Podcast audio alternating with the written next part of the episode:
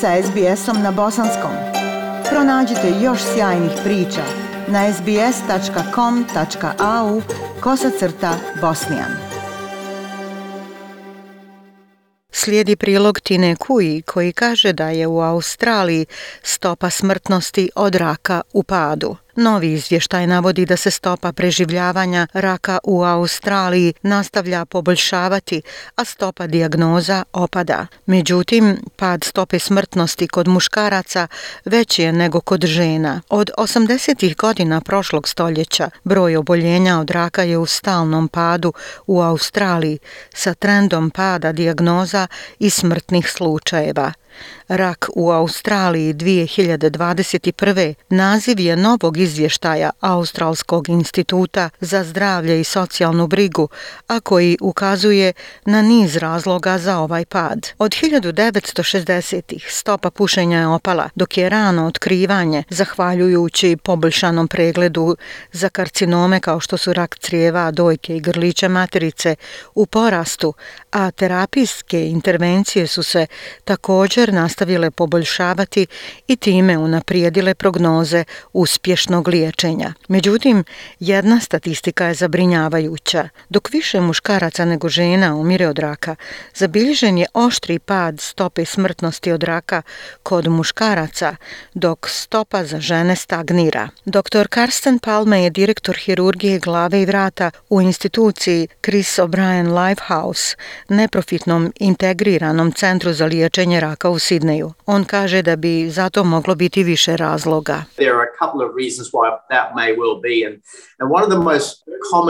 Postoji nekoliko razloga zašto se to događa, a jedan od najčešćih karcinoma kod žena zapravo je karcinom štitnjače. Vidimo ogroman porast dijagnoza raka štitnjače i to ima svojih posljedica. Mali tumori zbog mnogo ultrastenografija koje se rade na glavi i vratu za razne tegobe s se otkriju, a ako pogledate statistiku, rak tiroidne žlijezde je u velikom porastu, mada se pacijenti s tom vrstom raka veoma dobro nose. Dr. Palme ipak kaže da rak štitne žlijezde nije jedini sa značajnim porastom kod žena. Rak usne šupljine se diagnosticira posebno kod mlađih žena i u stalnom je porastu. Dr. Justin Harvey, šef odjela za rak i screening, jedan je od autora izvještaja.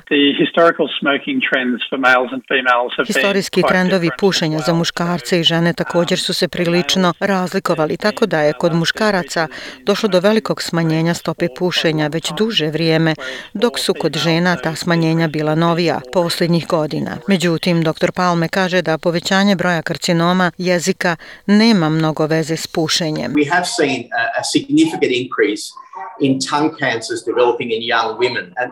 Vidimo značajno povećanje broja karcinoma jezika koji se razvija kod mlađih žena i to se ponavlja u cijelom svijetu i svakako u našoj ustanovi u Lifehouse-u. Mlađe žene u 20., 30. i 40. godinama obolijevaju od raka jezika bez ikakvih očiglednih faktora rizika kao što su pušenje ili konzumiranje alkohola. A razlog zašto se to dešava je još uvijek prilično nejasan.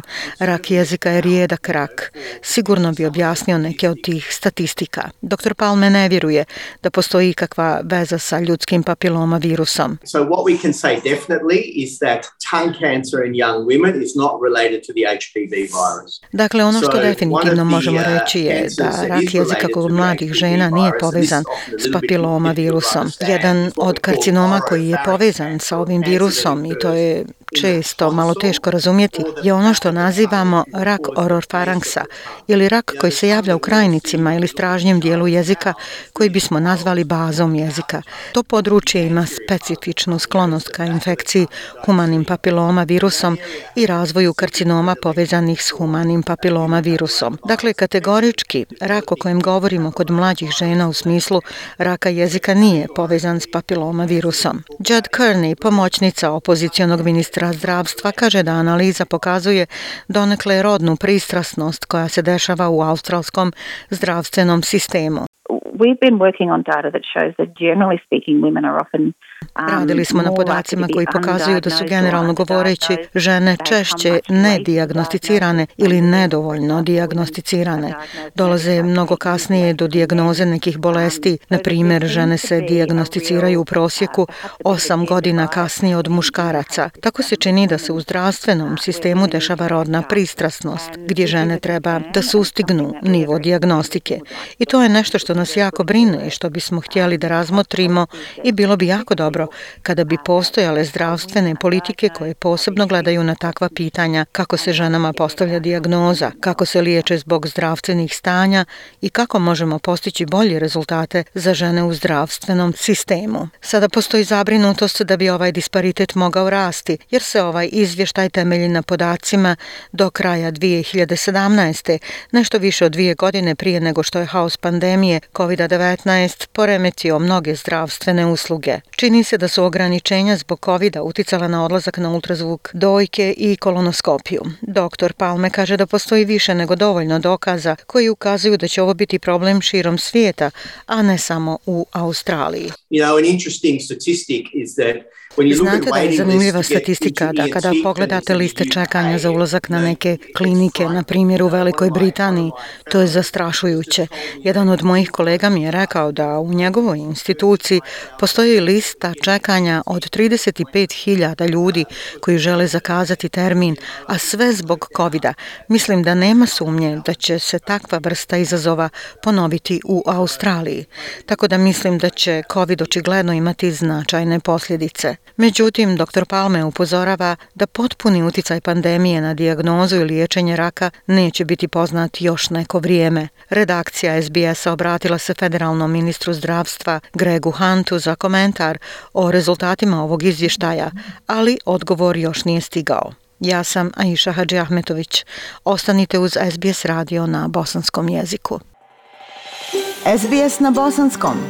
Podijelite naše priče preko Facebooka Želite poslušati još ovakvih priča? Slušajte preko Apple podcasta, Google podcasta, Spotify ili kako god da primate svoje podcastove.